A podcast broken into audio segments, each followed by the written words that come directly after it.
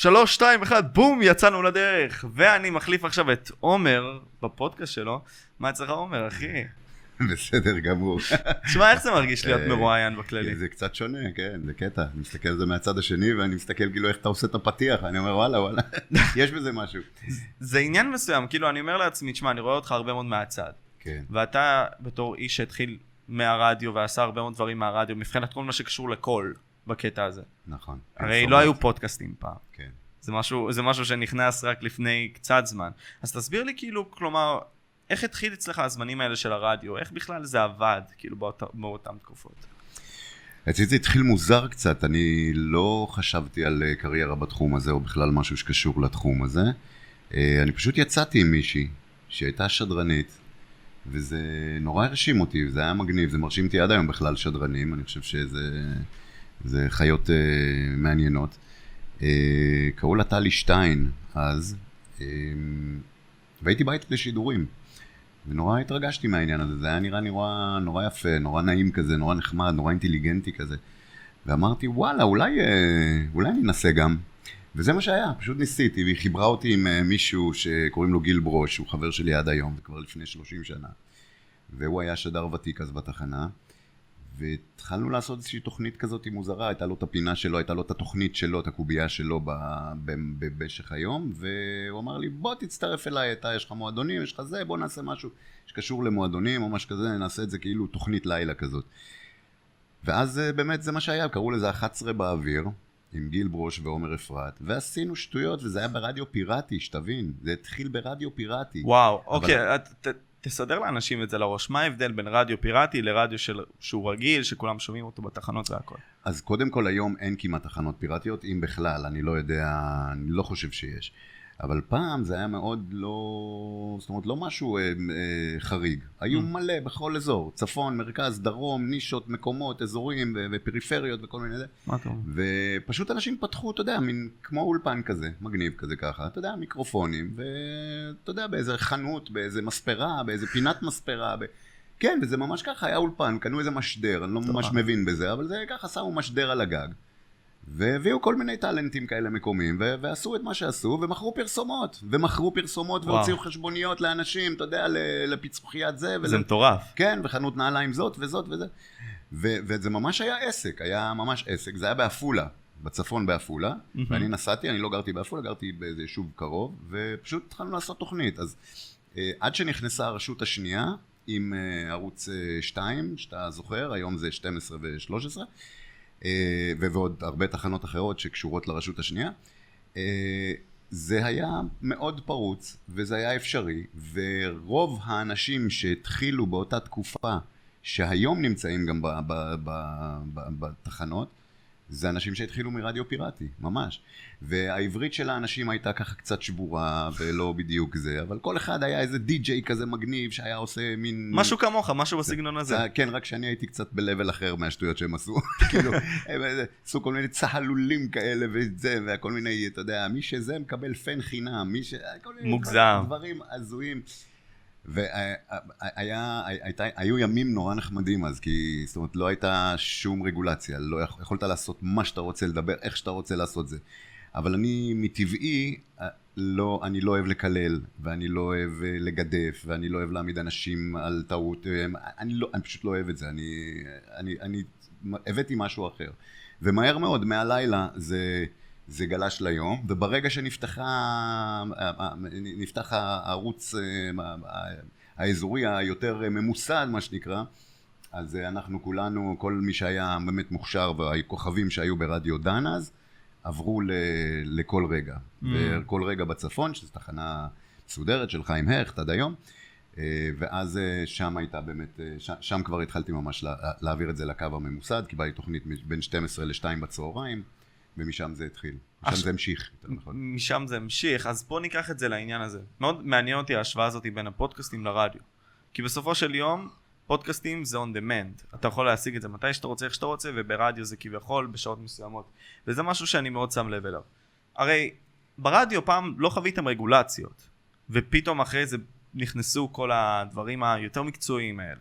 אז אני שואל את עצמי אם אפשר לדמות את זה לפודקאסטים עכשיו, שעם הזמן, פעם זה היה פרוץ הרבה יותר. ג'ו רוגן יכל להגיד מה שהוא רצה להגיד. ולפתע, עם הזמן, כבר ראו שזה דבר גדול. אז יכולים לבטל אותו על הדברים האלה. כלומר, יש השלכות למה שהוא עושה כי זה נעשה גדול. האם אתה יכול לדמות את זה נגיד סתם לרדיו באותם זמנים? שנגיד סתם זה היה פרוץ יותר, לבין הפודקאסטים עכשיו. אז בימים של, ה, של התחנות הפיראטיות, באמת אנשים יכלו לעשות מה שהם רוצים. Uh, ברשות השנייה כבר uh, זה היה מאוד רגול, רגולטיבי, והיו מנהלי תוכניות שישבו לך על הזנב. Uh, אני זוכר כל טעות קטנה בעברית מיד הייתה נכנסת הלשונאית ומתקנת אותך או מסבירה לך, או המנהל תוכניות היה עף עליך בצעקות ואיזה דביל אתה שאתה לא יודע לעשות או להגיד ככה וככה, כן. אה, אני בא מבית של, אה, של מורה, אז uh, לי היה הרבה יותר קל, uh, אבל uh, באו אנשים עם עברית, uh, עם עברית בעייתית מאוד, uh, אתה יודע, אני לא מדבר אפילו על שלוש ושלושה, על דברים קצת מעבר, אבל uh, uh, uh, היום מבחינת מה, מה להגיד, הדברים שאומרים, אני, תשמע, לי קשה לראות בטלוויזיה קללות או בכלל שפה, שפה ירודה. אבל זה תכלס מה שמוכרים עכשיו, כי זה באמת נותן את הצפיות, את הרייטינג, תכלס. אה, אני מסכים. הקיצוניות, אה, אתה יודע את זה גם מחיי הלילה בסופו של יום, ככל שזה יותר כזה אטרקטיבי, אדום, האישה היפה הזאת, זה מוכר בסופו של דבר את הפרסומות. אני מסכים, אני מסכים. אני, אתה יודע, לא, לא חייב להיות חלק מזה, אבל uh, אני מסכים. תראה, אתה עובד איתי בפודקאסט ש, ש, שלה, שלי, שלנו. Uh, אתה יודע שלי יש דברים שאני פשוט קשה לי לעשות אותם או לא רוצה לעשות אותם. אה, אם אני, מספיק שאני צריך להתחנף לאורח כזה או אחר כדי להביא אותו, להביא, להביא מישהו לראיין. כן. לא בא לי. אז אתה יודע, אז יש דברים ש... סתם דוגמה שהיא דומה ולא דומה, אבל יש דברים שבסצנה הזאת של הצהוב הזה שאתה מדבר עליו, הצהוב, האדום, האישה היפה, המיוחד, הפסיכופת, המקלל, העצבני, הנתן זהבי המשוגע, הכל... לא, לא, כן, לא, לא, לא, לא תמיד בא לי, אתה יודע, אז, אז יכול להיות שאני טיפה ליד הסצנה הראשית, אני לא על העורק הראשי, אני אולי קצת בצד, אולי אני... אבל אני לא... לא בא לי, אתה יודע, לא בא לי להשתנות, אני כבר, אני כבר זקן, נו. אבל בפועל עכשיו נכנסים דברים כמו טיק טוק. בסופו של דבר, ואנחנו תכף נגיע אה, לסצנה של הלילה. אתה נותן לי עכשיו, אתה נותן, לא, לא, לא, נותן לי הפוכה, כי כן. לא, זה דווקא מחזק את מה שאתה אומר, כי בפועל, הטיק טוק, אה, קראתי איזשהו טוויט מסוים, שאומר שבזמן שהכי הרבה אנשים נמצאים בטיק טוק, זה כאשר הם מעוצבנים. כי אז הם כותבים את התגובות עצמן. ו therefore, כאשר הם מעוצבנים ורושמים את התגובות בטוויטר, אז יש הכי הרבה engagement. וכשיש הכי הרבה engagement זה מעלה את הפוסט ואת הכל ואת הרייטינג שלו ו whatever. אז זה מגיע ליותר חשיפה. אז תכלס, בפועל אנחנו באים ועושים את הדברים כקיצון כדי לקדם את הדברים היום. כלומר זה פחות כזה טבעי, פחות כזה זורם. צריך הכל היום כזה מכני. אתה מבין למה אני מדבר? כן. תראה, קודם כל אתה, אתה בחור אה, מוכשר מאוד ואני צופה לך עתיד גדול. אתה מבין בכל כך הרבה תחומים, תודה. שאתה יודע לעבור ולעשות את ההקשר בין העולם שדיברנו עליו עכשיו, שהוא עולם הפודקאסטים ועולם היוטיוב, ולהבדלים ולדקויות בין הטיק טוק והדברים האלה. ואתה, דיברנו על זה גם היום במקרה אתה ואני. אתה צפוי לך גדולות. תראה, הנושא של הטיק טוק, אני, אתה יודע, אמ, כשאתה אומר אנשים צופים בטיקטוק כשהם אה, עצבניים או שהם כשהם אה, ובטוויטר להפך דיברו על הווארד סטרן פעם אני לא יודע אם אתה זוכר היה שהיו לו אחוזי רייטינג כל כך גבוהים וכשעשו את הסקר אז שאלו מתוך האנשים שאוהבים אותו כמה זמן בשע, ביום הם, הם, הם, הם מאזינים לו. ואז אה, אמרו אלה, ש, אלה שאוהבים אותו ממש מאזינים לו שעתיים ביום. ואלה ששונאים אותו מאזינים לו ארבע.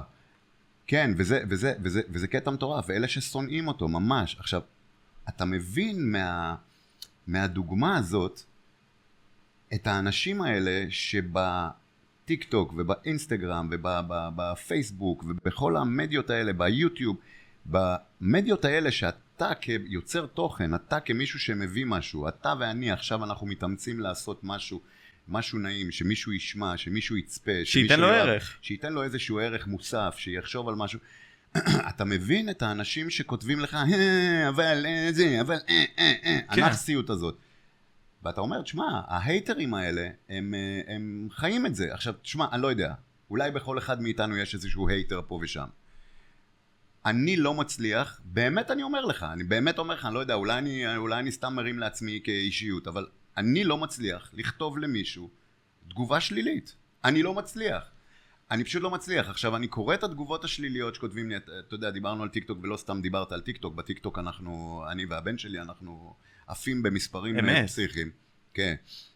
ואני לא מצליח להבין ילד בן 15 שכבר יש לו קצת דעת בראש, שאתה רואה את התמונה שלו, למה לך לגדף, למה לך לכתוב על משהו שהוא נורא נורא funny, נורא funny לא מבחינת מצחיק, מבחינת fun, fun פלוס. כאילו, הרעיון של הסרטונים שלנו הם מצחיקים, הם קלילים. לא הצחיק אותך? דפדף הלאה. אני לא מצליח באמת להבין את, ה, את הזמן שאתה משקיע במשהו שלא אהבת, בלכתוב "אה, לא אהבתי. אתה מבין? אבל כשאתה שומע את הדוגמה הזאת של האוורד סטרן, שההייטרים צופים בו יותר מאלה שאוהבים אותו, אתה מבין שכנראה זה דרכו של עולם.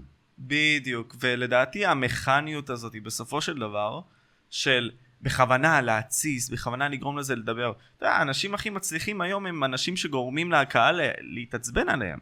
וזה בפועל ככה, נגיד דיברנו על דניאל יונה היום. בפועל מה הוא עושה? הוא בא ומשחק את הדמות הזאת המוזרה שמנסה להצליח בחיים, אוקיי? ותוך כדי הוא בא ואומר, אני הכי טוב מכם.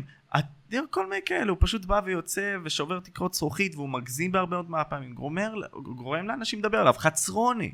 על אותו עיקרון, גורם לאנשים לדבר כן. עליו. הרבה מאוד יוצרי תוכן בכלי גדלים על דרמות, בלי קשר. כי דרמה זה בסופו של דבר נותן חשיפה לצהובים, וצהובים זה מה שמניע. לא, אתה יודע, דיברנו על זה באיזשהו פודקאסט, כן? שהחדשות, בסופו של יום, למה אין חדשות עם חדשות טובות? כי זה לא מוכר.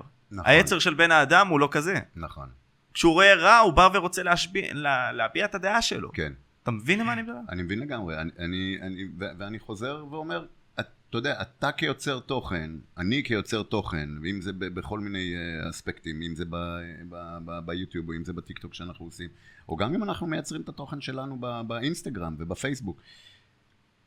היום אני במקום שאני יכול לבחור אם אני רוצה להיות הצהוב, המרגיז, המ- המ- המ- המ- המציק הזה, הזה ש, שלא משנה מה, by all cause יאהבו אותו, או, או, או לא, לא יאהבו אותו, אולי יאזינו לו, או יצפו בו, לא משנה מה, העיקר שאני אהיה, העיקר שיכתבו את השם שלי נכון, אתה מכיר את ה... בשביל שתהיה סופר מפורסם סופר- הזה. כן, אני לא, אני לא בסופר מפורסם.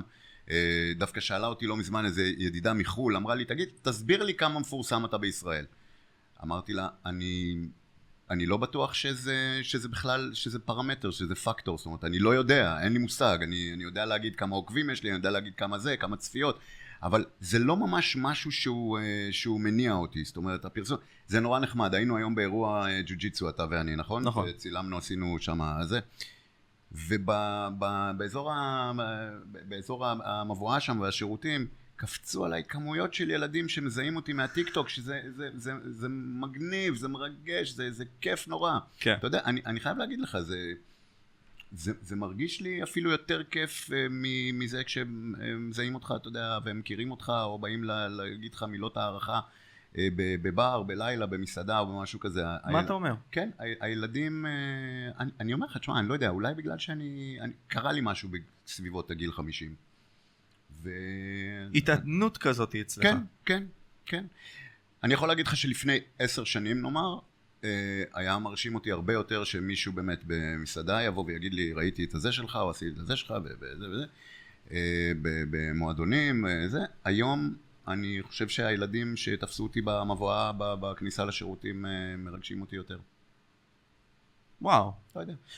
בוא ניכנס איתך פה לנקודה כזאת.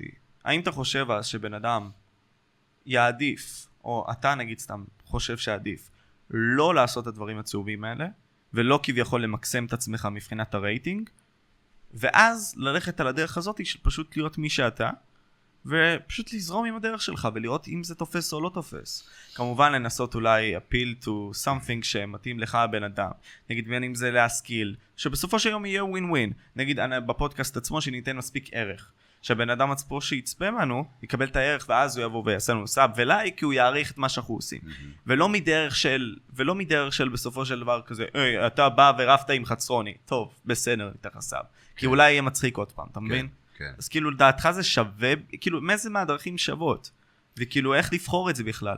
תראה, אני אגיד לך, יש הבדל בין אם אתה עושה, אה, יוצר תוכן אה, לפרנסה, ואתה בגיל צעיר, היום אתה רואה את הקדימה ואת הקדמה, איך היא הולכת, ואתה מעודכן, אתה updated מאוד, ואתה רואה כל כך הרבה דברים, אני לומד ממך המון, אתה לא יודע כמה אני לומד ממך, בעצם זה שאני יושב איתך באוטו ואתה מספר לי סיפורון קטן על זה וזה, כל הניואנסים הקטנים האלה, אתה יודע, לפעמים פוקחים לך את העיניים, את האוזניים, ואתה אומר, וואלה, בואנה, צ'י, הוא, זה שש דרגות מעליי בקדמה, בהבנה. אה, אני לא עושה את זה בשביל פרנסה, אוקיי. ויש הבדל, ויש הבדל. אני יודע כמה אותך, כל 100 שקל שאתה מרוויח בתחום, כמה מרגש אותך, כמה טוב זה עושה לך, כי אתה מרוויח כסף ממה שאתה אוהב.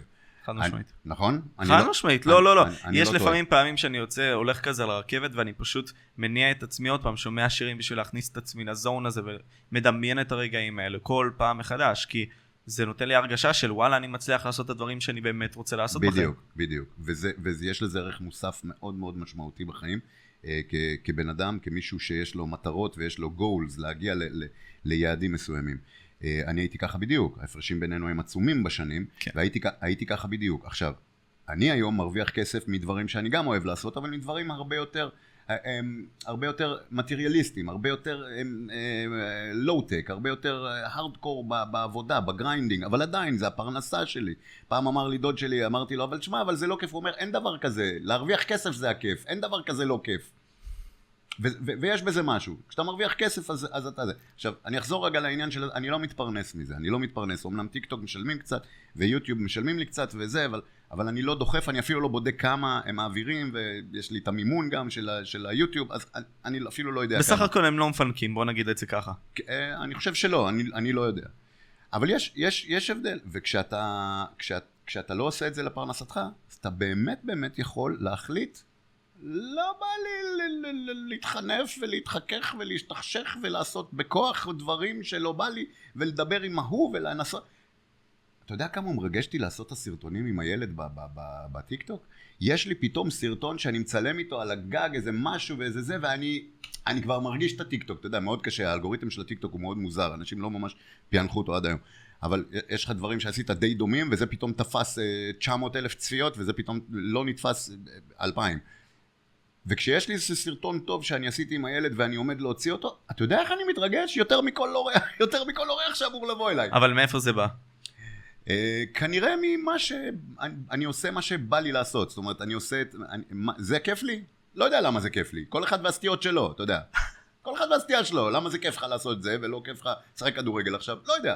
ההוא משחק כדורגל, יגיד, מה אתה שם שועמם באולפן? אתה יודע, יש, יש, יש ציפור ויש דג, הדג לא יעוף והציפור לא תשחה, וכל אחד, כן, וכל אחד חי ככה.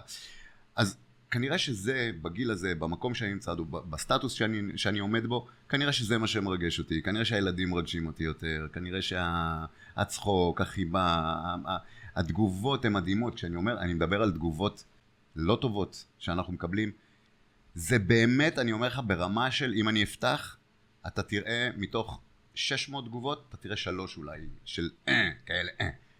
550 תגובות של וואו, וואו, וואו, וואו, וואו, וזה כ... אני עונה, תקשיב, אני עונה לכל אחד. מה אתה אומר? לכל אחד אני עונה, אז אני לא עכשיו כותב ומתפלסף, אבל אני אעשה לו חיכיכי וחוכוכו וזה זה זה וסמיילי ותודה. כי מבחינתך הם הקדישו מהזמן בשביל לראות אותך, אז למה כן, שאתה לא תקדיש הפוך? אני, אני, אני, אז זה פשוט קטע, זה פשוט קטע, אני אומר לך, לפני שנתיים היית אומר לי הייתי, שאני אעשה סרטונים בטיקטוק עם הילד, הייתי אומר לך, תגיד, מה אתה מקשקש? אין סיכוי, אני מביא פה אינטלקטואלים, ואני מביא רופאים, ואני מביא עורכי דין, וזה מה אני יודע. it is what it is, אתה יודע, פתאום דברים השתנו. כן. כן? כן. אז כאילו, פשוט הקדמה הזאת לדעתך, אתה רואה עד כמה היא משפיעה על הילדים שלך? כלומר, ב... מה זאת אומרת עד כמה היא משפיעה? האם אתה מרגיש שהילדים שלך נדפקים מהדבר הזה בצורה רצינית? למה נדפקים? למה... איך... אני, אני, אני אסביר, אני אסביר. אני בפועל, בגלל הקדמה עצמה, מנסה למקסם את עצמי בעולם. דרפור אני פחות משקיע זמן עם ההורים. בגלל שיש כל כך הרבה דברים שאני רוצה לעשות. בגלל הפיתויים, בגלל הכל, כן? ובפועל זה ככה יוצא, אני פחות מקדיש זמן להורים, אני פשוט מנסה למקסם את עצמי. זה בעיה. אז אני מרגיש שפשוט אנחנו דור מסוים שמנסה להיות אינדיבידואליסט, ולא מנסה בפועל לתת למען ערכים מסוימים, כמו משפחה, כמו חברה, אלא אנחנו יותר מכניים. תראה. יותר כמו מוצרים בסופר, בוא נגיד ככה. לא, אל, אל תראה את זה ככה. במקרה שלך, אני מכיר אותך טוב, במקרה שלך אתה משקיע במשהו שזה גם תהיה הקריירה שלך. אתה תהיה דובר צה"ל, אתה תהיה כתב, אתה תהיה עיתון, אתה, זה ברור לי. זה ברור לי. אתה רוצה שאני אכתוב לך את זה, נסגור את זה במטר? זה ברור לי. אז קודם כל, אתה, אתה זה לא דוגמה, כי אתה באמת עושה ועכשיו משקיע ושם בצד דברים אה, אה, על חשבון הדברים שאתה רוצה לעשות בעתיד. שזה, אתה איש רציני, אתה בחור רציני. קח את זה אותו דבר עם ילד שנשלח לשחק אה, כדורגל או לשחק טניס. בן של חבר שלי, הוא, הוא ממש מגיל צעיר, מגיל תשע, משחק טניס ברמה כבר, אה, היום כבר בן 14, ברמה עולמית, טס לחו"ל וכאלה. אה, הוא מפספס המון זמן עם ההורים. הילד אפילו חי בחו"ל תקופות, טס וזה. אז מה לעשות, אתה יודע, זה... זה. הכל בסדר, כל עוד אתה בן אדם, וכל עוד אתה, אתה, אתה יש לך קור פנימי, יש לך עמוד שדרה אמיתי, ו- ואתה מחפש את הקדמה, אז אתה משקיע פחות בהורים, זה בסדר, ההורים שלך השקיעו בך כל כך הרבה, שעשו אותך מי שאתה, ויש לך את הרצונות ואת האמביציות לעשות את הדברים שאתה רוצה לעשות ועושה, go for it, כאילו אתה לא, אני, אני לא מרגיש שאני מפספס.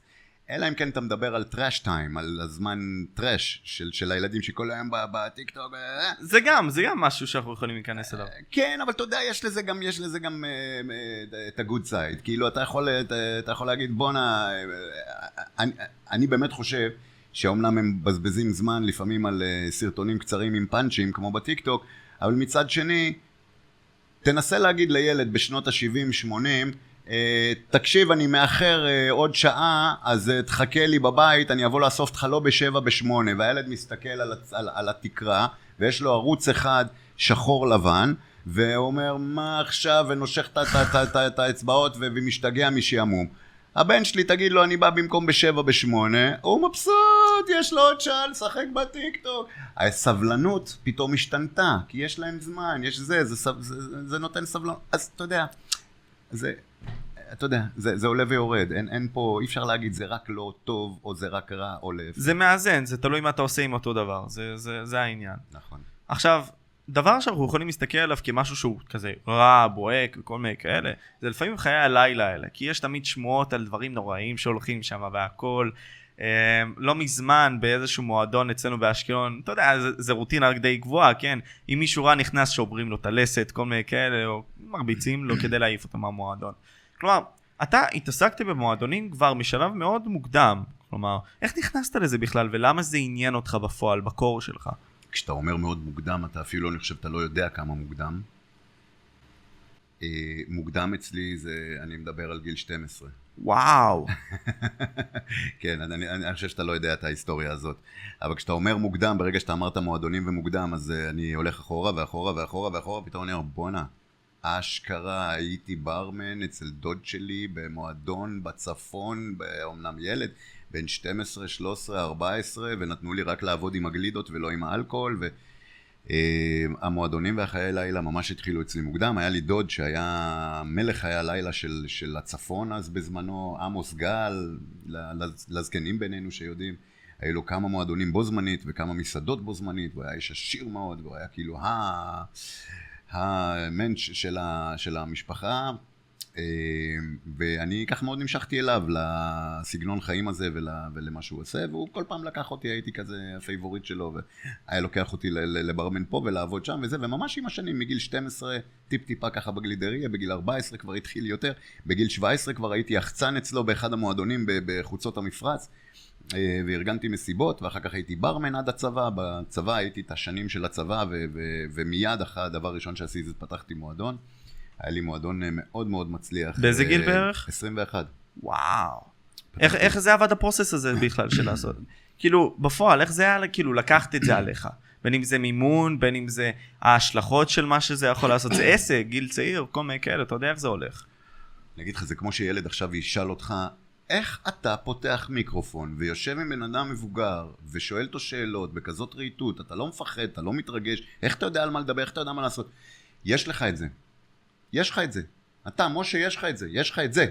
להגיד לך עכשיו, משה, בוא תקשיב, בוא תהיה לוחם uh, אה, MMA, לא יודע אם יש לך את זה. בדיוק. בוא עכשיו, נכון, ב, בוא, בוא תפתח עכשיו uh, uh, פיצוצייה, אני לא יודע אם יש לך את זה, אני לא יודע אם אתה שם, אני לא יודע אם אתה בכלל, את, עזוב את הלדעת למכור מסטיק, לתמחר אותו ולשים עליו טיקט ו- ומאיזה סוכן לקנות. אני לא יודע אם אתה בכלל בנוי למכור לקהל שקונה את המסטיק והסיגרות בשתיים בלילה בפיצוצייה. אתה מבין? מה שאני אומר זה, צריך ש... אתה צריך שיהיה לך את זה, אתה צריך להיות הבן אדם הזה שיש לך את ה... אתה נמשך לנישה הזאת, וכשאתה מתחיל בתור... ב... בילד בן 12 למכור uh, גלידות. לאנשים מבוגרים בבר, ובגיל 14 קצת למכור uh, אלכוהול. ולעבוד מאחורי בר ולמלא בקבוקים, אתה מרגיש את האווירה, אתה מרגיש את הלילה, אתה נושם את העשן, אתה רואה את החושך, הדברים האלה uh, מתחילים להיות בתוכך. עכשיו, אתה מלכתחילה לא תהיה שם בגיל 14, אם זה לא משהו שמשך אותך, אם זה לא משהו שהגניב אותך להיות שם, אתה מבין? אז בגיל 21 היה נראה לי מאוד מאוד טבעי לפתוח מועדון. ולהתקשר לחברים שלי, יצאנו, היינו שלושה יוצאי סיירות, היינו מ...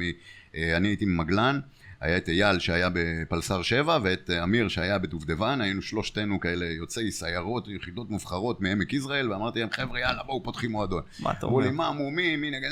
אמרתי אל דאגו הכל טוב, בואו, קדימה, קודם נעשה ונשמע. וזה מה שעשינו באמת, ופתחנו מועדון, מועדון האמסטף שהיה בצפון, בעמק יזרעאל, וכל אחד הביא שקל וחצי מהחסכונות שהיו לו, מהכמה גרושים שהיו לו. אה, לי היה אוטו שקניתי מההורים שלי, רכב קטן כזה סובארו שנת 80 ומשהו, שקניתי מההורים שלי, כשהשתחררתי מהצבא עבדתי מאוד קשה בלולים, בעופות ובזה וזה, אז שמרתי את הכסף הזה וקניתי את הרכב מההורים שלי. ורצינו, היינו אמורים להשקיע ב- בלפתוח את אז כל אחד צריך להביא איזה גרוש וחצי, אתה יודע, אי אפשר הכל בלי כלום, אה? אתה צריך לשכירות, אתה צריך לזה. אז מכרתי את האוטו, תבין כמה אני all in, כאילו, מכרתי את האוטו ואמרתי, הנה החלק שלי, תביאו את שלכם ובואו נעשה. ובאמת הלכנו ללולים בעמק יזרעאל ומצאנו ונטות ישנות ושימנו אותם ושיפרנו אותם ורצינו לעשות תקרת, זכו- תקרת זכוכית, אני אומר תקרת, תקרה אקוסטית כי אני סאונד מאוד היה חשוב לי. אני במועדונים רק אני אומר למי שעכשיו מתעסק קצת במועדונים שני דברים מאוד מאוד חשובים זה סאונד ואבטחה. אלה שני הדברים שתשקיעו בהם כל השאר תיקחו אנשים תעשו אבל תזכרו את זה. והסאונד תמיד היה מאוד מאוד חשוב לי ואמרתי תקרה אקוסטית אנחנו צריכים לעשות אבל תקרה אקוסטית עולה ים כסף. אז לקחנו uh, צמר uh, סלעים, וואו. כזה גלגלים, ולקחנו את הרשתות שעוטפים איתם את הלולים, רשתות עם חורים קטנטנים קטנטנים כאלה, אוקיי. ואת הרשתות האלה שהן היו מאוד בזול ומצאנו גם אה, הרבה חלודות כאלה וצבענו אותם והדבקנו אותם לתקרה, אני פחות הנדימן אבל שותפים שלי יותר אז זה היה מגניב. אז היינו על סולמות וזה אני הייתי השאוויש למטה שמביא להם את הדברים. כן ועשינו תקרה אקוסטית מצמר סלעים ומרשתות של לולים אפשרי לעשות הכל, אפשרי ו- מכל דבר נכון. לעשות הכל, אם במידה ואתה באמת רוצה. כשרוצים, בדיוק. כשרוצים, כשאתה רוצה, כשאתה אש, אתה מבין? כשאתה צעיר אתה אש, אתה רוצה לעשות. כמוך, אני רואה אותך, אתה אש, אתה כאילו אתה זה, עומר, יאללה, בוא, עושים, או, אני מגיע, אה, אוטובוסים, אה. אז אתה יודע, זה כיף, זה כיף לעבוד איתך בגלל שזה ככה, באמת, אתה יודע, כי אני קצת במקום אחר.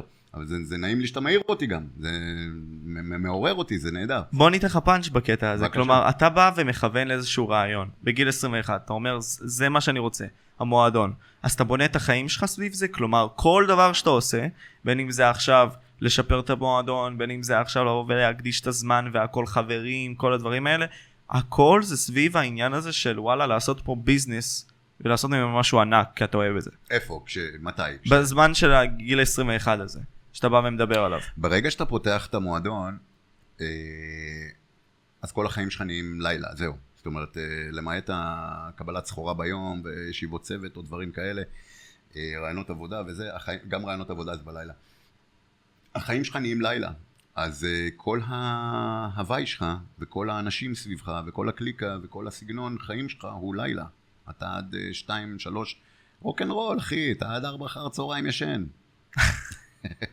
חיים של rockstar, חיים של מה אחי, rockstar. רוקנרול, מה, באנו מ... מ, מ יצאנו מסיירת, משמעת, אה, אתה יודע, פיפי לעשות דקה, אה, אה, אה, גדול אם אתה עושה שבע דקות, אתה יודע, מטכ"לי, כאילו אין כן. פה. כן, ופתאום, אה, אתה יודע, הכל אה, זה, אבל, אבל לשם כיוונו, רצינו, רצינו חיי לילה, רצינו את השגעת, אז באמת גם זה היה באמת רוקנרול, אז זה היה תחילת שנות, תחילת שנות התשעים, אני לא מאמין שלקחת אותי לשם, אבל זה היה תחילת שנות התשעים, שכרנו וילה גדולה בצפון, וילה גדולה ענקית כזאת, עם זה, עם מלא כניסות וזה, הייתה מחולקת לשלוש יחידות, ושלושתנו, אמיר, אני ואייל, חיינו כל אחד ביחידה שלו בווילה הענקית הזאת. וואו. עם חדרים וזה, וחצרות וכלבים, כל אחד היה לו פיטבול משלו, וכל אחד היה לו חברה או חברות משלו, ורוקנרול. היה, היו ימים של... כן, היו ימים של, של, של לילה, הארדקור כאלה. אז כל, כל החיים שלך הופכים ל, ללילה, ומשם פשוט המשכתי 26 שנה ברצף. אמנם לא חייתי את הרוקנרול כל ה-26 שנה, אבל, אה, אה, אבל אתה יודע, זה היה ממש מקצוע, זה, זה, זה עד היום, זה מקצוע, כאילו, ת, תעיר אותי באמצע הלילה, אני פותח לך מועדון, אה, ואני אומר לך מה נכון, מה לא. אמנם הטרנדים השתנו, אני לא יכול להתעלם מזה, אני לא יכול להתעלם מזה, אבל הבסיס נשאר, זאת אומרת, הדבר, כמו שאמרתי לך קודם, פחות או יותר, תשים דגש על אבטחה ותשים דגש על סאונד, אלה דגשים שבאמת נשארו עד היום. אז היום אתה צריך באמת להביא מישהו כמוך שיודע לתפעל לי רשתות חברתיות, וצריך להבין ולאיזה קהל אתה פונה, ואיך להדליק אותו ומה לעשות. אה, אז זה היה שונה, אז היינו מחלקים פליירים על מכוניות, היינו הולכים למסיבות איפה שיש מסיבות בכל מיני אזורים ושמים להם שם פליירים ובשקט בשקט כי הבעלים של המועדון היה כועס שאתה שם לו פליירים על מכוניות ואם הוא היה יוצא אז הוא היה מוריד לך אותם ואתה יודע דברים כאלה שהיום זה לא קיים, היום אני, אני מדבר איתך סינית בעניין, אתה מבין? כן. מה זה פלייר? דרך ישנה, אנטיקה. מה, איזה בית דפוס, כן, כאילו, על מה אתה מדבר? אתה מבין, היום, היום אינסטגרם הכל עובד, היום, נכון. היום שונה. אז זה היה שונה, זה היה שונה, אבל, אבל, אבל זה היה מגניב.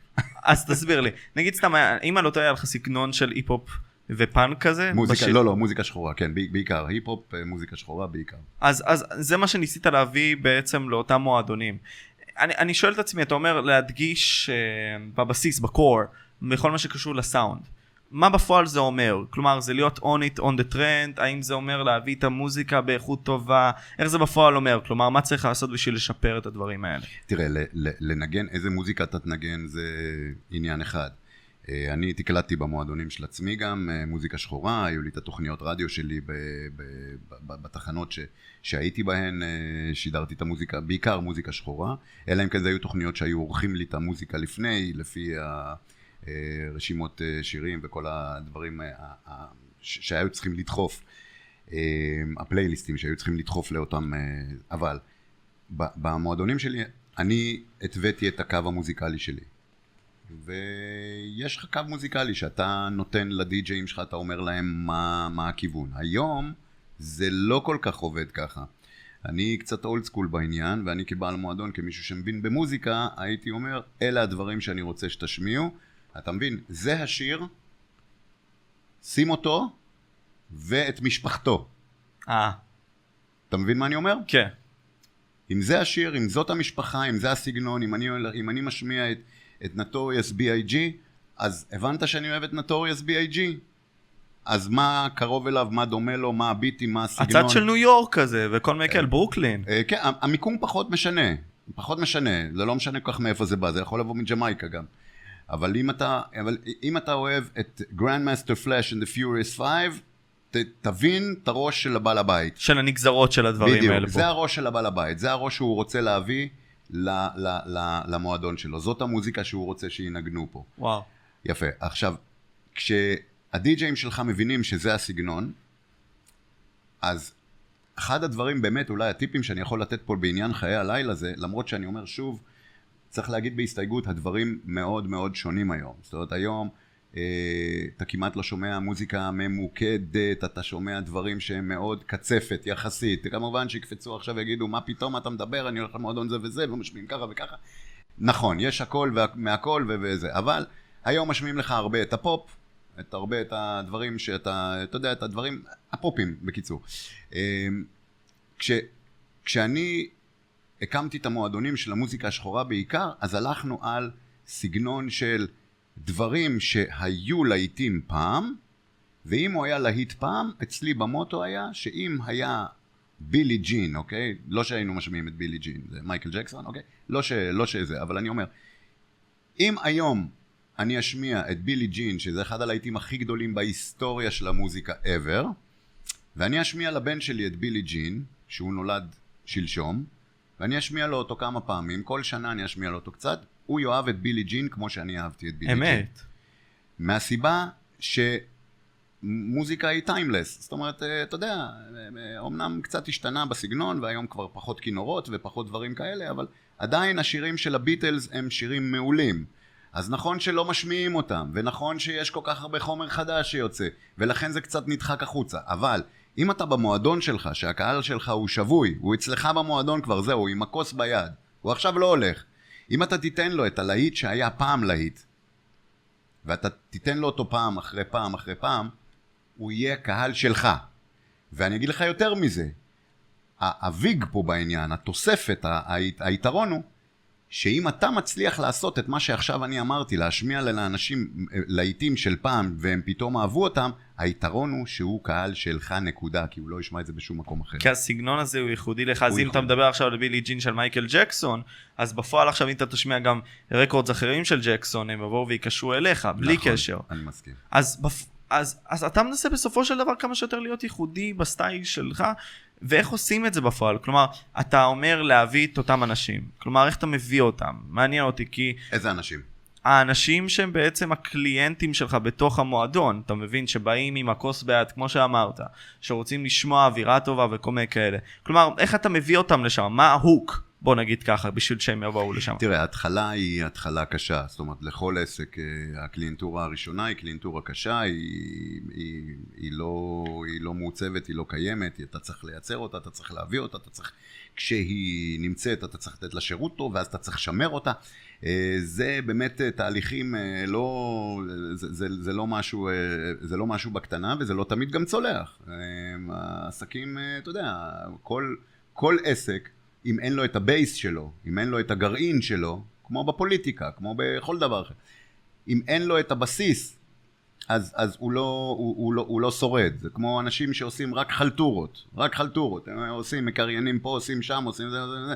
אבל אין להם בסיס, אין להם עבודה מסודרת, אין להם כל יום לבוא לחדשות או לעיתון או, או לתחנת רדיו ולקבל משכורת ועם זה הם חיים, עם זה הם משלמים את השכר דירה שלהם. אלה שמחלטרים כל הזמן, אז הם, הם, הם לא מחזיקים, הם כי אתה יודע, פתאום אין להם חלטורות, פתאום אין, אין עבודה, מה עושים? חייבים את הבסיס. אז במועדונים, הבסיס הקהל השורשי שלך, הגרעין הקשה שלך, הוא הדבר הכי חשוב. איך עושים את זה? זה לא תמיד גם הולך, אבל זה משהו שהוא הכי חשוב, הכי קשה לעשות. כי צריך את הגרעין הזה. האם צריך להביא את הטרנדים קודם כל, ואחרי זה למשוך אותם לטעם שלך? איך זה עובד? כי אני מרגיש שזה כמו בעולם יצירת התוכן. כלומר, איך אתה בונה את הקהל שלך? האם אתה בונה אותו בעזרת טרנדים קיימים ואתה אז מביא אותו וכל מיני כאלה ומנסה לעשות את זה בצורה הכי מוגזמת שיש, קיצונית, טה טה טה טה, כל מיני כאלה. או בפועל, אתה בא ונמצא שם. אני אסביר לך. זה... אנחנו מדברים על מועדונים, נכון? כן. אתה מדבר, אתה שואל מהאספקט של המועדונים. ברור. באספקט של המועדונים, אה, יש כמה פרמטרים. זה לא רק אה, המוזיקה שתהיה טובה ותשמיע להם דברים ייחודיים. זה בנוי גם מה... כמו שאמרת, אתה צריך להיות שם ולקבל אותם ול, ולהיות חבר שלהם ולשתות איתם ולהרים איתם לחיים ולפנק אותם ולקחת מהם את הטלפונים ולשלוח להם הודעות ביום הולדת וכאלה דברים. עד כדי כך, כאילו, לדעת small details. בוודאי, עסק בנוי משמאל דיטיילס. תסביר לי. עסק בנוי משמאל דיטיילס, אין דבר כזה עסק בנוי מצ'אנקים, זה לא עובד. עסק, ובמיוחד אם אנחנו כרגע מדברים על נישה של מועדונים, אתה... זה בנוי מהדיטייל, זה בנוי מהמחיר הנכון באלכוהול, זה בנוי מהכניסה עם הפוזה שהוא מבקש או מקבל ב- ב- ב- ב- בכניסה למועדון, זה, זה, זה קשור לזה שאם הוא ביקש איזשהו שיר ו- ואמרו לו סבבה או לא סבבה, אם שמו לו מפית מתחת לכוס ושירתו אותו כמו שצריך, איך החזירו לו את העודף ואיך הוא, הוא השאיר טיפ, איך כיבדו, אה, זה, זה, זה מיליון ואחד דברים, זה מיליון ואחד דברים ואני יכול להמשיך איתך עם, עם, עם הדוגמאות האלה עד מחר. אה, אז, אז עסק, במיוחד במועדונים, אצלי למשל היה, היו ישיבות צוות בכל יום שלישי, ישיבת צוות, שמונה בערב, כל הצוות מתכנס, אין איחורים, אין ויתורים, אין היעדרויות, אין שום דבר. למעט שהייתי בחו"ל פה ושם בשבועות שלמים שלא יכולתי להיות, שותפים שלי החליפו. אה, ישיבות צוות זה היה, זה היה לב העסק.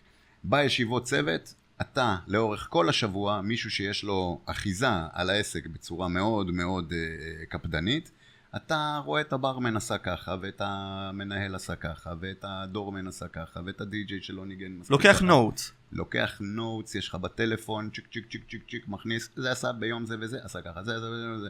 לא בא אליו ישר לבר, מה עשית?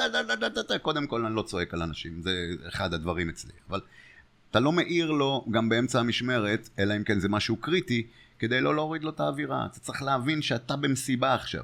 אתה צריך להבין שאתה במסיבה, אתה באווירה. עכשיו, אם יושב לך, יושב לך בעל הבית על הברמנים שלך, שהם מייצרים לך את האווירה ואת המסיבה, באלנבי 40 למשל, היו לי אה, תשעה ברמנים במשמרת, קבוע, ולפעמים גם מתחלפים אה, יותר.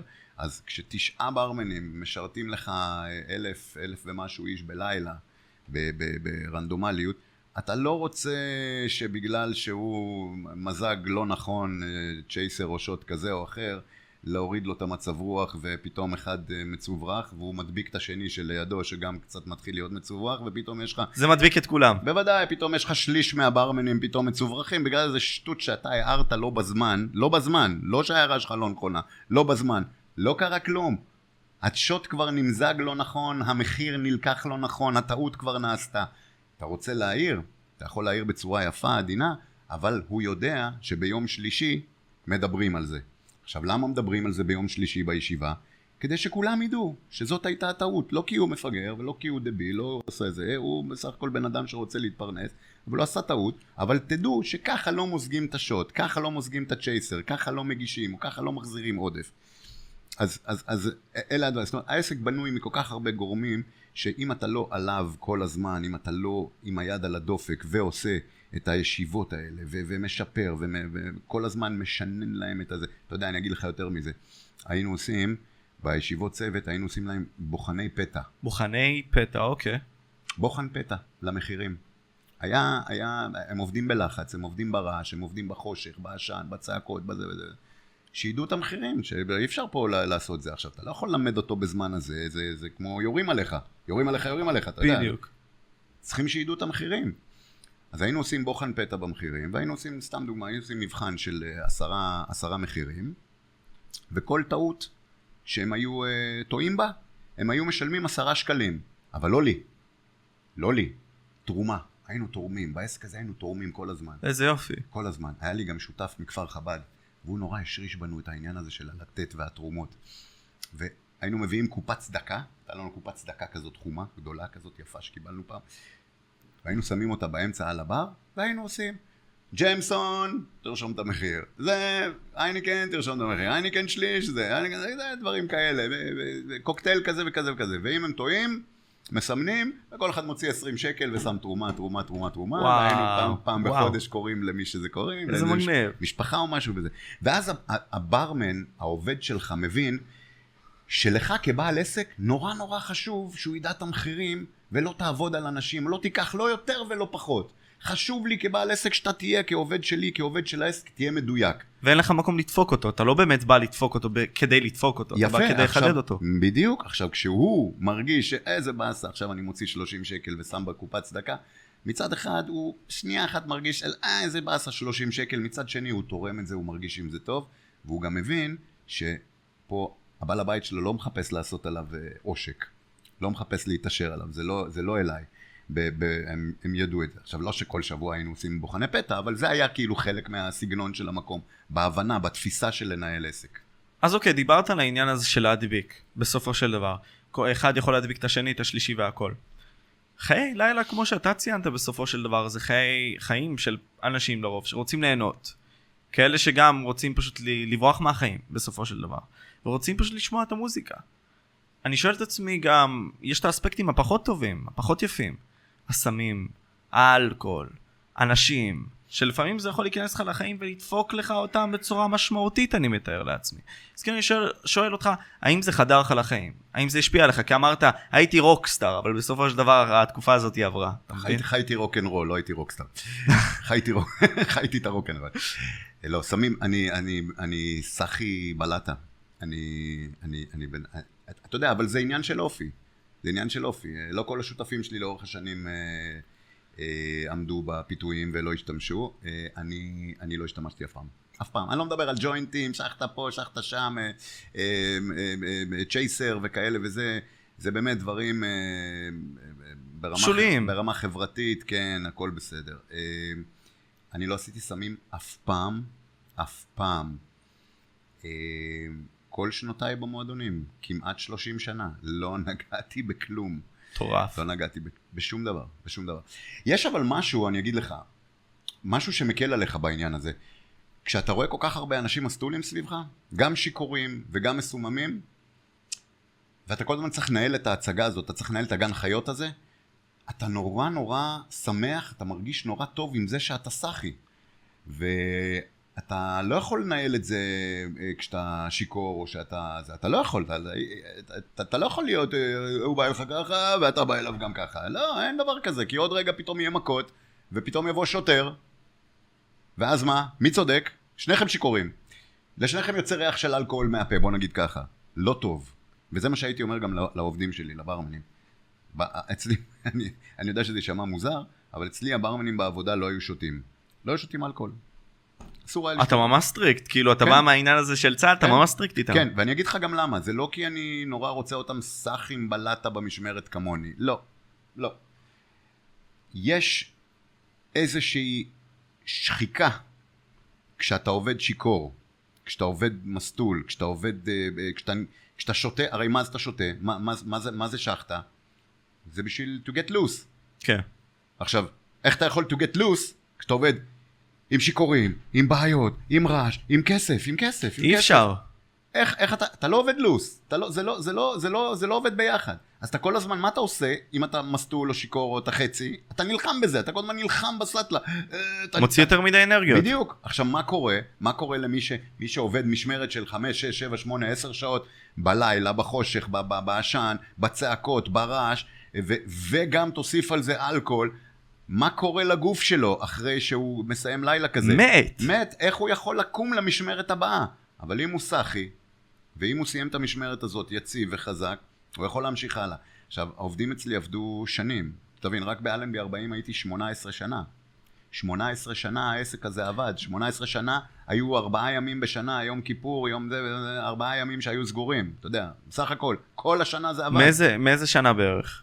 משנת 99 עד שנת 2017, 18, 19, משהו כזה. אני לא זוכר בדיוק. אבל זה, אלה היו השנים. עכשיו, עבדו אצלי אנשים 6, 7, 8, 9 שנים. ברמנים, ברמנים שהרוויחו מלא כסף, קנו בתים. שלא תטעה. אבל הם לא יכלו להגיע לכמות שנים הזאת אם הם היו מסטולים.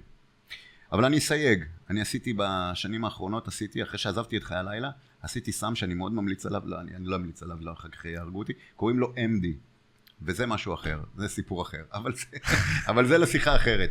אבל זה לא קשור לחיי לילה, בחיי לילה אה, זה לעבוד, לעבוד אה, לא, לא מסטול ו, ולא שיכור ולא להיסחף אחרי העדר, זה משהו שהניע אותי כל השנים, אני חושב שזה גם היה חלק גדול מאוד מההצלחה שלי בחיי הלילה. מה ההצלחה, כלומר, אם אתה תתאר אותה? כלומר, מה זה היה עכשיו להיות עומר אפרת בשיא שלו, כשאלנבי 40 היה בשיא שלו?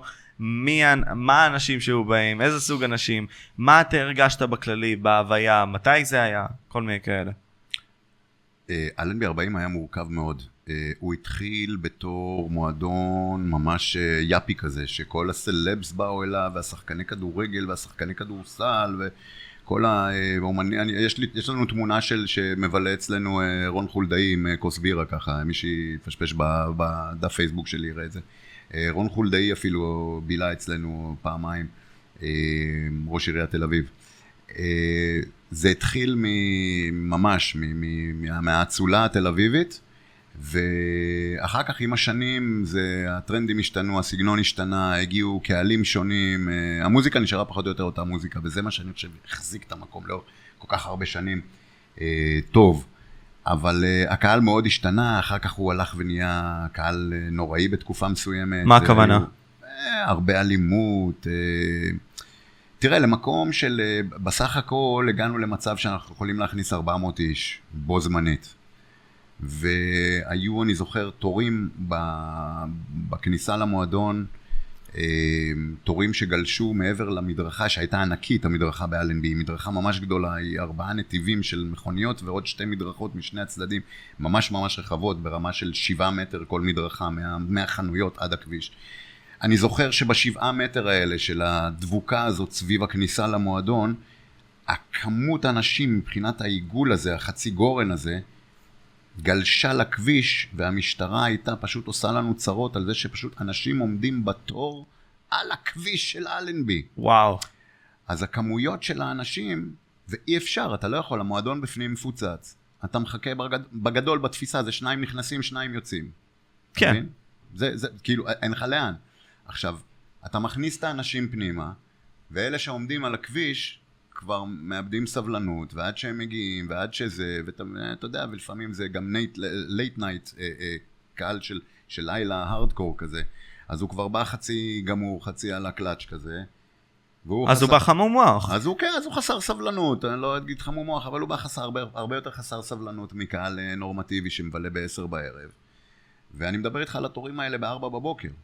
מדבר איתך על תורים כאלה של, וואו. אה, של, של אה, נגלה, נגלה של בליינים בשבע בבוקר, נגלה האחרונה, שנמשכת עד תשע בבוקר.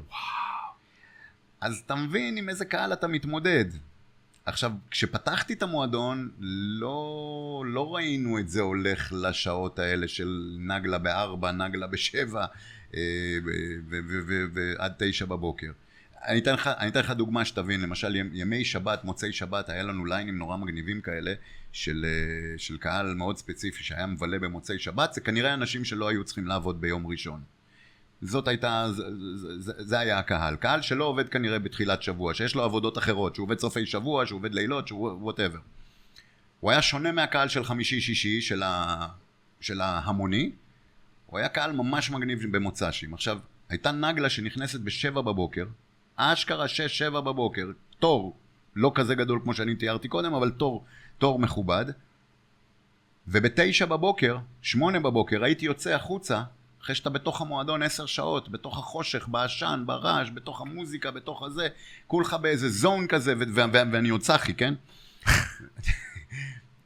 היית יוצא החוצה לנשום אוויר קצת, אתה רואה ילדים הולכים עם ילקוטים לבית ספר יום ראשון. וואו. אתה רואה, אתה רואה אה, אה, כמויות של אנשים עומדים בתחנת אוטובוס, סאחים לחלוטין, מבוסמים, מגולחים. אתה רואה שהם הולכים לעבודה עם תיקים, כאילו, ואתה עוד, אתה עוד בשבוע שעבר. אתה לא איתם בכלל בבוקר, אתה עוד שם בשבוע שעבר, אתה במוצ"ש עוד בכלל. אתה מבין? והקהל שלך יוצא, וככה כולו טרילילי טריללה, מתנדנד וזה, ואומר לאנשים האלה בתחנת אוטובוס סליחה, והם מסתכלים עליהם, אתה יודע, מי אלה ההזויים האלה? כן, אז האוטובוסים והרעש וזה, הניגודיות הזאת שהייתה באלנבי הייתה...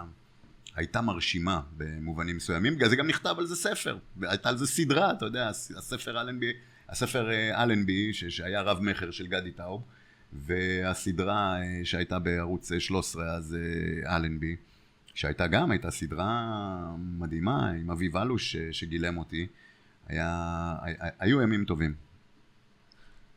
מה אתה חושב שהכי למדת מההצלחה הזאת של המועדון הזה? אמרת עכשיו, דו- דוקטור טאוב כתב על זה ספר, הוציאו על זה סדרה, אה, הרבה מאוד כוח אני חושב שהיה לך, בין אם זה מבחינת הקשרים, בין אם זה מבחינת האופוריה שהייתה לך באותם רגעים. אתה ראית קהל שלם שבא למועדון, שבין הפרקים אתה עשית אותו, בחלק מאוד גדול. יעלו לך כמובן שותפים אחרים, כן, אבל בוא נגיד את זה ככה, היה לך חלק מאוד משמעותי. אז איך זה, ב, ב, מה הדבר הכי חשוב שלמדת מזה, מכל החוויות האלה? וואו. אני לא יודע להגיד מה הדבר הכי חשוב שלמדתי. או בין. הדברים החשובים לדעתך. אה, אני יכול להגיד לך משהו שמוביל אותי אולי לכל החיים, אה, וזה אולי לאו דווקא שאלה שתענה לך ספציפית על מה למדתי מאלנבי 40, אבל אה, אני חושב שאתה לא יכול לקחת, אתה יודע, כשאתה 18 שנה ב... במקום כזה אינטנסיבי, אתה לא יכול שלא ללמוד ממנו, ולמדתי ולימדתי המון שם, אבל אני חושב שיש איזשהו מוטו חיים שאני לוקח איתי לכל החיים באמת, ותמיד גם אה, מסביר לילדים שלי, זה הכל זה אנשים. הכל בסופו של דבר זה אנשים. זה יכול להיות, אה, אתה יודע, האיש העשיר בעולם, או להיות הכוכב המפורסם בעולם, או הזה. הוא... יש לו את החבר הטוב שלו שהוא סומך עליו, ויש לו את הסוכן שהוא אוהב או לא אוהב, ויש לו את הידידה או החברה, ויש לו את אימא שלו, ויש לו... בסופו של דבר כולם זה אנשים, ויש לי איזושהי דרך חיים שפשוט להתייחס לאנשים יפה, וטוב ולהיות הכי אה, אה, נחמד איתם, מה שנקרא אהבת חינם הזאת. ואני חושב שזה משהו שהוביל אותי לאורך כל החיים, ולא משנה לי אם הוא היה שחקן גדול או כוכב גדול או זה, ואני, אני, אתה יודע, אני אתן לך דוגמה על זה. בתחילת שנות האלפיים, כשהמועדון היה מאוד מאוד אה, נוצץ, וכל הסלבריטיז באו לשם, אני לא אהבתי, לא, אני לא אוהב את העניין הזה של סלבריטיז. מאוד קשה לי עם זה. אתה רואה, גם קשה לי בתוכנית שלי להביא אותם, לראיין אותם, לבקש מהם לבוא, ואני אני לא, אני לא אוהב את זה. אני לא בא לי על זה גם אם אני מכיר אותם אישית. לא בא לי. לא... למה אבל? לא, לא, אני, אני לא אוהב שמישהו חושב שרוצים ממנו משהו בגלל איזושהי הילה או תהילה או זה, זה לא נוח לי עם זה. לא שאתה יודע. בא לנצל אותו, בגלל א', ב' וג', או להשתמש בדברים שהוא עשה כ... כן, לא נוח לי עם זה, לא נוח לי עם אה, לבוא מלמטה למישהו לבקש ממנו משהו. לא כאילו הוא מסתכל. עליך מלמעלה. אני לא יודע אם עליי מלמעלה, אני חושב שהוא מסתכל על הרבה מלמעלה, ואני פשוט לא רוצה להיות גם אחד מאלה, אני פשוט לא רוצה להיות שם. אבל אני אתן לך דוגמה מצוינת. בתחילת שנות האלפיים, מכבי חיפה הייתה קבוצה אה, מובילה, והייתה זה. ג'ובאני רוסו היה הכוכב אז באותם ימים. הוא היה גר בחיפה, והוא בא לתל אביב לבלות, הוא בא עם כמה שחקנים, אבל הוא היה הכוכב. וג'ובאני רוסו היה החתיך והכוכב והזר שהביאו וזה, ועם אה, חוזה מעולה וזה, והם באו לחגוג נדמה לי איזה אליפות או משהו, איזה ניצחון גדול שהיה להם.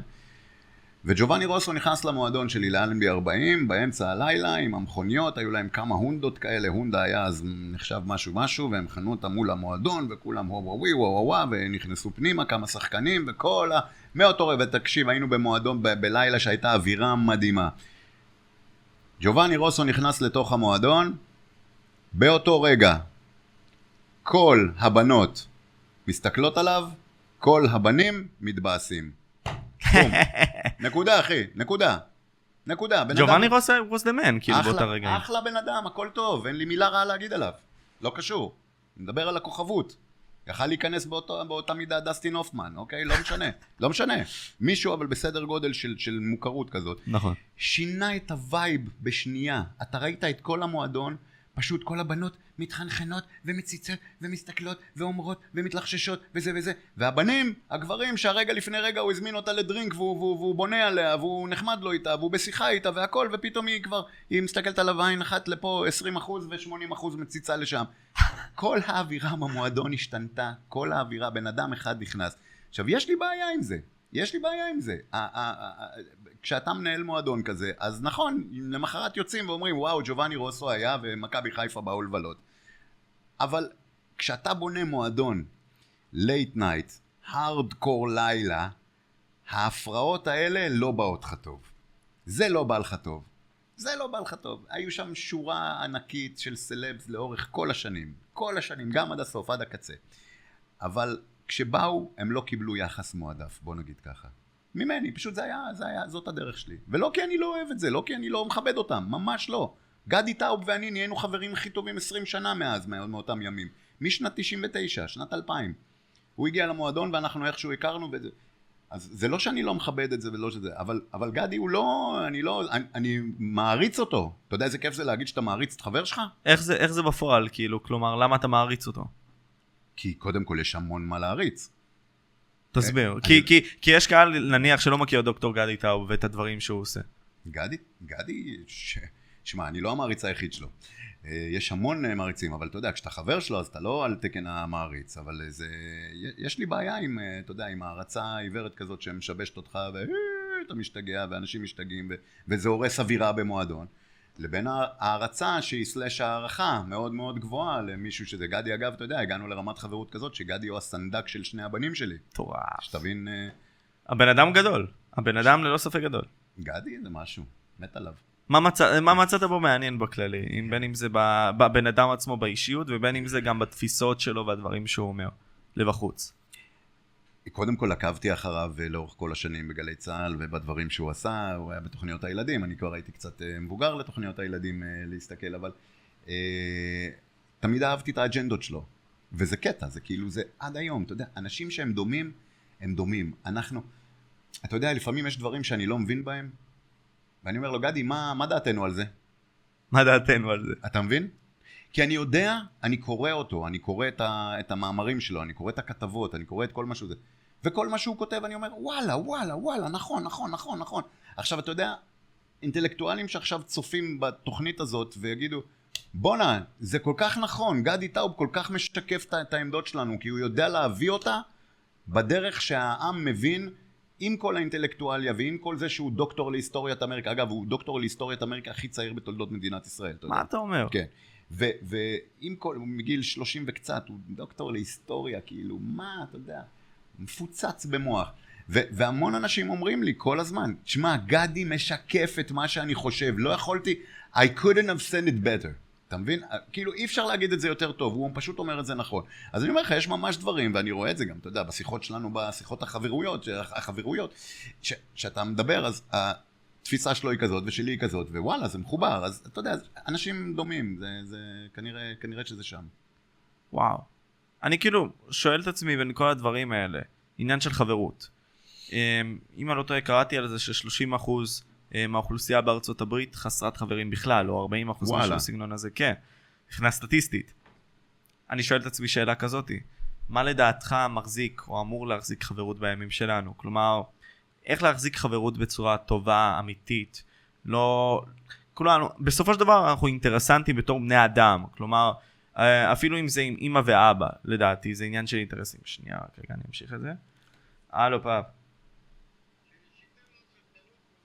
סגור, יאללה, נתראה. ביי. עוד איזה עשר דקות כזה נצטרך לסיים. לא, אין בעיה. אתה יודע איפה לעצור את זה ולחתוך? כן, כן, כן, סגור. בקיצור, באתי לעניין הזה של אינטרסים. אז כלומר, בסופו של יום גם אינטרסים זה אבא ואימא. אינטרס זה בן ואבא, בכללי. אז מה אמור לדעתך להיות עמוד התווך שמחזיק מערכת יחסים, בין אם זה עם חברים, בין אם זה עם יל... ילדים וכל מיני כאלה בצורה טובה ואמיתית וכנה? אני אגיד לך משהו, ואני יודע שאנחנו צריכים לסיים עוד רגע, אז אני אגיד לך משהו בעניין הזה. מצחיק, כי זה מחבר, מחבר את החברות של גדי ושלי. גדי כתב ספר, האייל שאהב ניקיון. אחד מספרי הילדים שלו. יש לו תשעה או שמונה או תשעה או עשרה רבי מכר מכל הספרים שהוא כתב, הוא כתב שלושה עשר. ונדמה לי שזה אחד מהרבי מכר.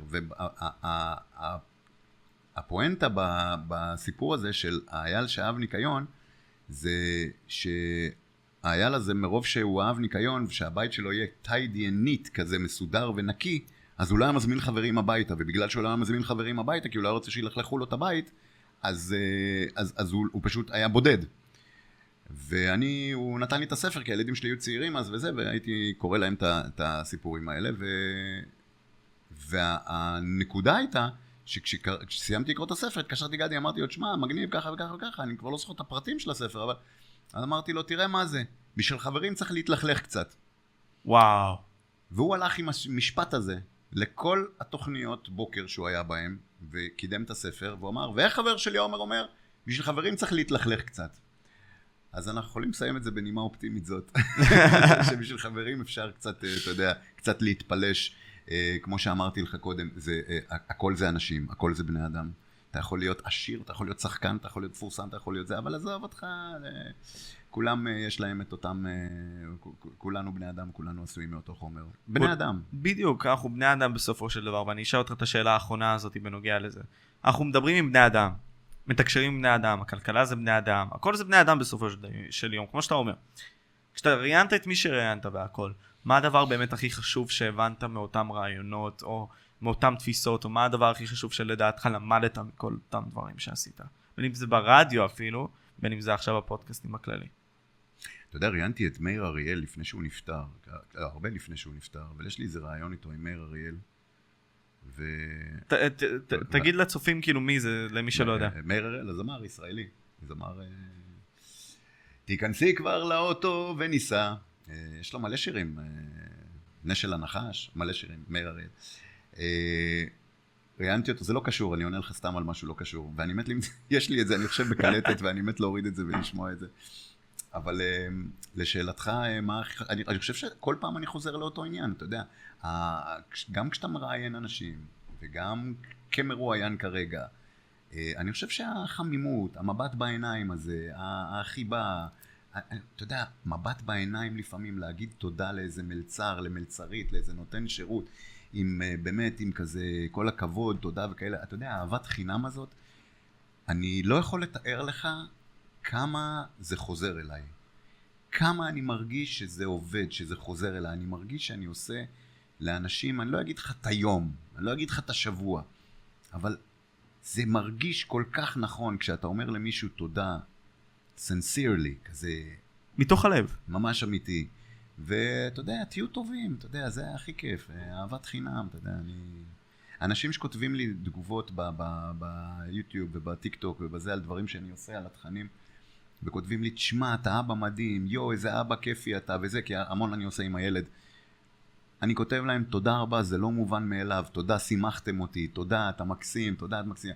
כאילו, אני באמת מרגיש ככה, הם, הם עושים לי טוב, ואני, אתה יודע, אני מרגיש שאני רוצה לענות להם. לפזר אהבה. נכון, נכון, נכון. אז זה באמת בנימה אופטימית זאת. אז תשמע, אני אקח את העצה שלך, אני אגיד לך באמת תודה רבה. למה נחבא לנו? רגע. אה, בסדר, אוקיי. אני רוצה באמת להגיד לך תודה רבה. מאוד מעריך אותך, אני אקח את העצה שנתת לי עכשיו. ובלי קשר, אני חושב שאתה בן אדם אה, מאוד עמוק, מאוד חריף בדברים שאתה עושה, בפודקאסטים, אה, גם בדברים שאתה מנסה ליצור, בין אם זה עכשיו בסצנת של ה-MMA, בין אם זה... אוי, לא נגענו בזה בכלל. כן, איזה יופי, לא אתה רואה? נגענו בזה בכלל. אז אפשר להיכנס לזה באיזשהו מקום אחר בכללי, כן, בין אם זה ברעיון הבא או... אז יש לנו, כן, יש לנו זמן לעוד תוכנית כזאת. אז זהו, לא, כי יש כל כך הרבה מה להגיד לגבי זה. אנחנו יכולים לעשות פה שינוי גדול, או אתה יכול לעשות שינוי גדול עם בדברים שאתה אתה כן. רוצה להעביר. אנחנו בכיוון, אתה יודע, אתה שותף לזה, אתה רואה, בדיוק. אתה, אתה הולך איתי למקומות האלה, אנחנו לגמרי. עושים את זה ביחד, זה כיף. לגמרי. ואני מקווה שיהיה לנו עתיד מאוד טוב עם זה, ואני מאוד מעריך אותך אישית. איזה חמוד. וזהו, אני הייתי פה, צופים, אני הייתי משה, אנחנו מדברים פודקאסט, וזה היה עומר אפרת מהפודקאסט, מדברים פשוט. ואנחנו היינו פה. איזה. חמוד, תודה, ביי. יאללה, סגור.